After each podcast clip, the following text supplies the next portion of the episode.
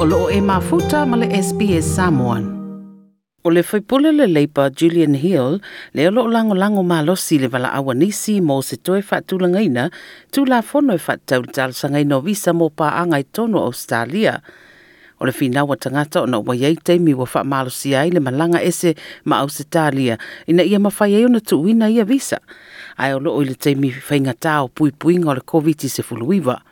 Lea lawa fua fua ia leli li fai pula Julian Hill e tu ina se pili le pale mene le vasa fo e we fata tau le mata upu le nei ina ia toi fatu na ia tu la fono le malanga mai ile tunu migration laws o le mai tae o Milia Elliot Mabawi Domingo wa maua nei o la visa mo paanga a aino la fa alia o se fainga umi tele e o atu le lua sulima masina na fata riai mai o le tele o le taimi atoa lea sa no fo vala vala i la ua Domingo o sa tangata Filipino na o ina malanga ane mai melepone i Singapore ina ia au sia i tūranga mana o mia ia mawailo na visa.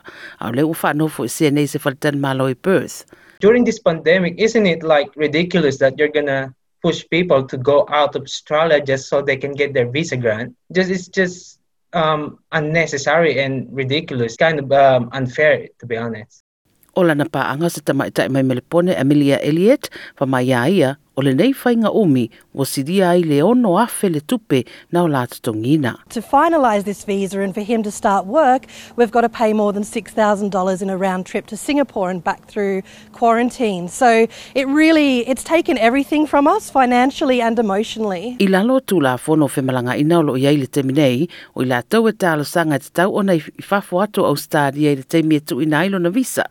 Ai ose mana umianga lea o lo ufapole ina i tangata ona o lama tianga tau le soifua maloloina a meise nisi o tau fa popo ma fai ngā malanga ma tau e tutongi le quarantine i le teme re mai. Ma maire fai pule, wat tau lavona i eise suinga ia tu la fono. It is a ridiculous situation in a global pandemic when you're saying to a couple who have already been here in Australia, one of you has to leave, take a trip, expose yourself in other countries to a greater risk of catching COVID 19, um, and all the costs that goes with that. O le vai te le pili ia mo se le tumau i le atunuu i le pe o visa These people who are forced to fly offshore take up a precious quarantine place that could and should be used for an Australian who wants to come home uh, rather than someone who's already in the country. It just seems like common sense that they'd relax this requirement, say for the next 12 months during the global pandemic. fo lo ngā nei wala au na suinga i fono.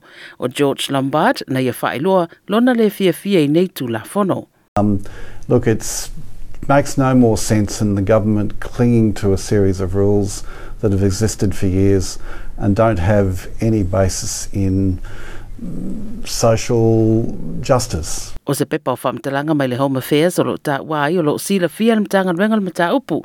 Ai o lo ilo ilo ni awanoa ma options ina i afso soa ni ai wha popo mo ta wā a fia visa o na ole COVID-19 se fuluiva. E au fia i visa ta sanga mo wha ipoi ponga prospective marriage ma visa wha paanga.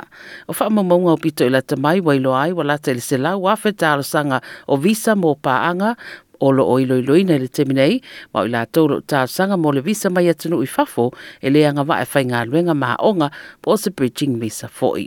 Le lipoti na tuufatsia Shupa Krishnan ma Tom Steiner mo i le SBS News whaatliwi na walo sila fia i lea fo'i tūlanga.